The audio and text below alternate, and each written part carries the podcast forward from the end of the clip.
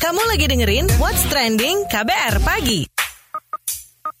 weekend itu biasanya ada aura apa ya positif yang ditimbulkan. Wah, aura positif yang ditimbulkan. ya kan? Ya paling enggak itu uh, buat semangat sendiri karena oh hari ini mungkin kerja nggak terlalu banyak gitu ya. Besok udah libur bisa berkumpul sama keluarga, bisa berkumpul sama teman-teman. Tapi nggak tahu mau ke mana. Nah, ini yang bakal kita obrolin pagi ini ya. Ini ada namanya Festival 4545 Temu Lintas Generasi. Nah, seperti apa ini? Jadi ya, kasus-kasus pelanggaran berat hak asasi manusia atau HAM di masa lalu ini masih banyak yang belum terungkap. Sebut saja ya tragedi 65, terus juga penembakan misterius 82 sampai 85, peristiwa Talang Sari, uh, kasus uh, penghilangan orang paksa secara paksa di 97 hingga 98 dan juga masih banyak lagi nih kalau disebutkan kerusuhan Mei, uh, Trisakti, juga tragedi Semanggi 1, 2, Terus juga uh, kasus Wasior dan Wamena di Papua ada pula kasus pembunuhan aktivis HAM Munir ya. Sayangnya banyak anak muda zaman sekarang itu yang nggak tahu atau bahkan nggak peduli sama soal-soal seperti ini. Oleh karena itu, biar anak-anak muda kita melek dengan sejarah bangsa yang belum tuntas ini, Indonesia untuk Kemanusiaan atau disingkat IKA dan Koalisi Keadilan dan Pengungkapan Kebenaran atau KKPK bikin festival 4545. Hmm, ya. Jadi uh, Festival 4545 yang lintas generasi ini mampu uh, mempertemukan para penyintas dan korban kasus HAM masa lalu dengan anak-anak muda ya. Dan Festival 4545 ini akan dikemas dalam bentuk karya seni seperti fotografi, instalasi seni, karya sastra, dan juga seni musik. Pendekatan seni menjadi salah satu metode pendekatan kepada anak muda sehingga isu soal pelanggaran HAM tidak lagi menjadi hal yang tabu untuk dibicarakan. Nah untuk um, cari tahu seperti apa festival 4545 ini yang sudah digelar hari Kamis uh, kemarin ya hingga Sabtu besok di Kota Tua. Sayangnya ini masih di Jakarta ya teman-teman ya. Uh, kita berharap ini juga bisa sampai ke daerah kalian semuanya jadi kita lebih tahu, lebih aware sama yang namanya kasus-kasus berat atau kasus pelanggaran berat hak asasi manusia. Nanti kita akan ngobrol dengan Direktur Eksekutif Indonesia untuk Kemanusiaan atau IKA ada Anik Usari dan juga kita akan ngobrol dengan sutradara Bunga dan Tembok Eden Junjung di What's Trending KBR Pagi. What's Trending KBR Pagi. KBR Pagi siaran pagi radio paling update di What's Trending Pagi ini bersama Don Brady. Kita masih ngobrolin soal Festival 4545. Jadi ya memang festival ini masih uh, diadakan di Jakarta ya. Jadi ini sudah digelar mulai Kamis kemarin hingga Sabtu besok dan eh, kira-kira apa maksud dan tujuan dari festival ini walaupun teman-teman yang dari Aceh atau Papua tidak bisa hadir ke sini mungkin bisa mendapatkan message-nya atau pesannya ya. Kita ngobrol bareng Direktur Eksekutif Indonesia untuk Kemanusiaan eh, IKA Anik Una Anik Usari. Mbak Anik, mengapa pertemuan lintas generasi ini perlu dilakukan? Iya, karena kan sebenarnya kasus-kasus pelanggaran HAM masa lalu ini yang belum selesai, misalnya bicara dalam konteks sejak 65 ya, peristiwanya tuh mencakup seluruh Nusantara lah gitu ya. Anda bayangkan misalnya dari tahun 65 sampai tahun 2019 ini sudah berapa tahun gitu. Dan korbannya sendiri kan juga sudah mulai menua dan sebagainya. Maka kita berharap sebenarnya ada generasi-generasi yang berikutnya yang masih mengingat peristiwa ini pertama gitu ya. Kedua kita harap harapannya mereka peduli dan kemudian harapan berikutnya lebih jauh adalah mereka melakukan sesuatu. Jadi ini saatnya ini harus anak muda yang bicara karena ini masanya mereka gitu. Kita kan sudah mau mendekati 100 tahunnya Indonesia ya dan di tangan generasi berikutnya sebenarnya itu kan udah bukan generasi kami lagi nih generasi yang atas 90-an kayak kalau istilahnya maka butuh tongkat estafet lah diberikan kepada yang generasi muda. Hmm, Oke okay. dan saat ini literasi soal HAM kepada generasi muda seperti apa Mbak? Sekarang informasi itu tidak terbatas ya. Bisa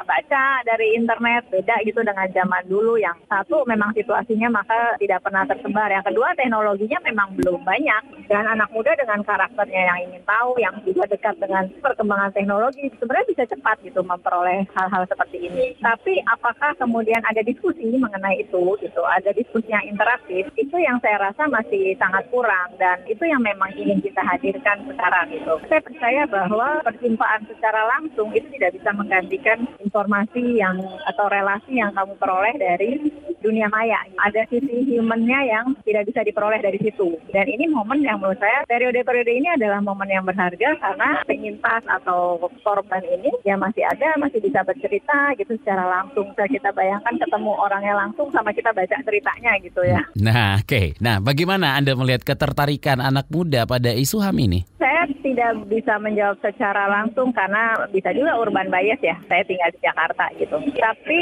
dari yang kita lihat pertemuan-pertemuan lintas generasi untuk anak-anak muda juga, mereka ada yang datang. Tapi saya nggak tahu berapa persen dari mereka karena kita tidak punya juga data statistik ya. Tapi dari gairah mereka, seperti misalnya apakah pernah dengar tentang Dialita, mereka bisa menghasilkan beberapa album gitu ya, dan itu juga ditaruh di YouTube. Itu yang download itu anak-anak muda yang komen anak muda gitu. Jadi sebenarnya saya lihat memang ada kehausan tentang pengetahuan atau pemahaman tentang apa sih yang terjadi waktu itu gitu. Baik, terima kasih Direktur Eksekutif Indonesia untuk Kemanusiaan atau IKA, Anik Usari tentang Festival 4545 ini. Kamu lagi dengerin What's Trending KBR Pagi. What's Trending KBR Pagi dan kita ngobrolin soal Festival 4545 Temu Lintas Generasi ya.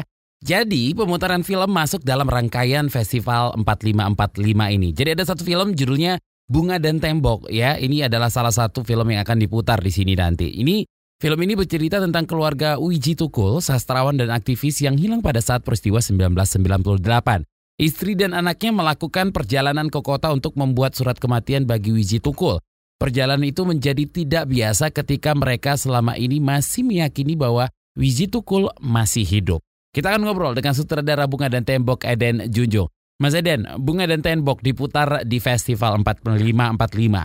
Boleh ingatkan sedikit pesan apa yang ingin disampaikan lewat film ini, Mas? Ya sesuai tema acaranya juga. Jadi film ini bercerita tentang keluarga Wishi Tukul yang di sini lebih fokus kepada anaknya Pacar Merah yang kebetulan juga kami berteman secara personal. Dan dengan film ini harapannya teman-teman yang belum tahu tentang siapa Tukul dan kondisi keluarganya saat ini bisa lebih mengenal lagi Nah, um, gimana sih Anda melihat kepedulian anak muda terhadap isu HAM, khususnya pelanggaran HAM masa lalu? Saya secara personal melihat perkembangan saat ini menuju lebih baik ya, karena dari berbagai medium seperti musik, film, dan medium-medium kesenian yang lain, sekarang lebih bisa dan berani untuk berbicara atau menyuarakan tentang kasus-kasus pelanggaran HAM yang ada di Indonesia khususnya. Apalagi saat ini media-media itu sangat mudah diakses ya, kupikir itu akan membantu dan pastinya dari acara-acara seperti ini ketika saya tadi juga melihat banyak anak-anak muda yang datang ini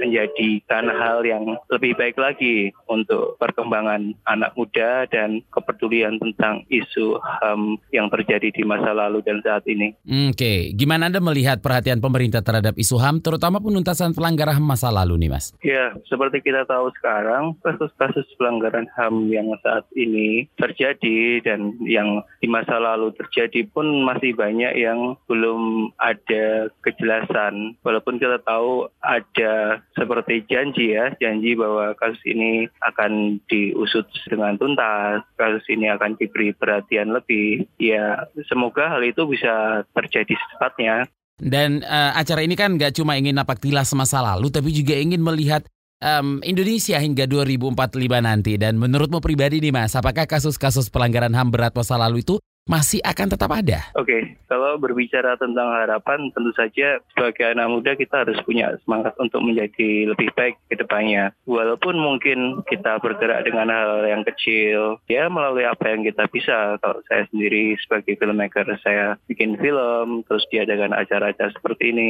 Harapan saya ini semangat untuk mewujudkan masa depan yang lebih baik dari yang saat ini ada ya. Bagaimanapun kita perlu edukasi tentang sebuah permasalahan, kita perlu saling mempunyai medium untuk berkumpul bersama, untuk saling membicarakan keresahan bersama dan kupikir acara 4545 ini sedikit banyak mewadahi hal-hal itu. Baik, terima kasih sutradara Bunga dan Tembok Eden Junjo.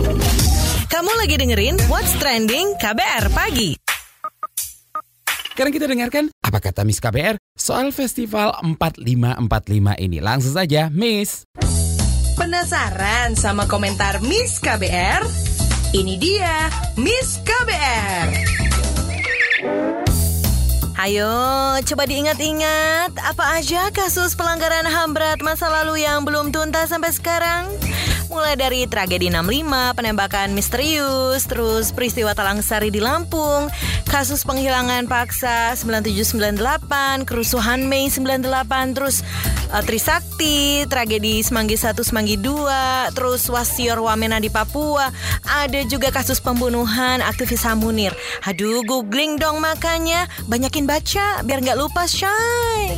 Modal kuota internet doang udah bisa banyak dapat informasi kan? Tapi sebanyak-banyaknya kita baca bakal beda sih kalau dengerin langsung dari para penyintas kasus-kasus HAM masa lalu itu. Makanya hari ini entar Miss KBR mau sneak out gitu deh ke kawasan kota tua Jakarta. Kan ada festival 4545 itu loh event lintas generasi gitu gitu. Jadi di sana anak-anak mudanya tuh bisa ketemu gitu dengan para penyintas terus para korban HAM yang umurnya sudah semakin menua.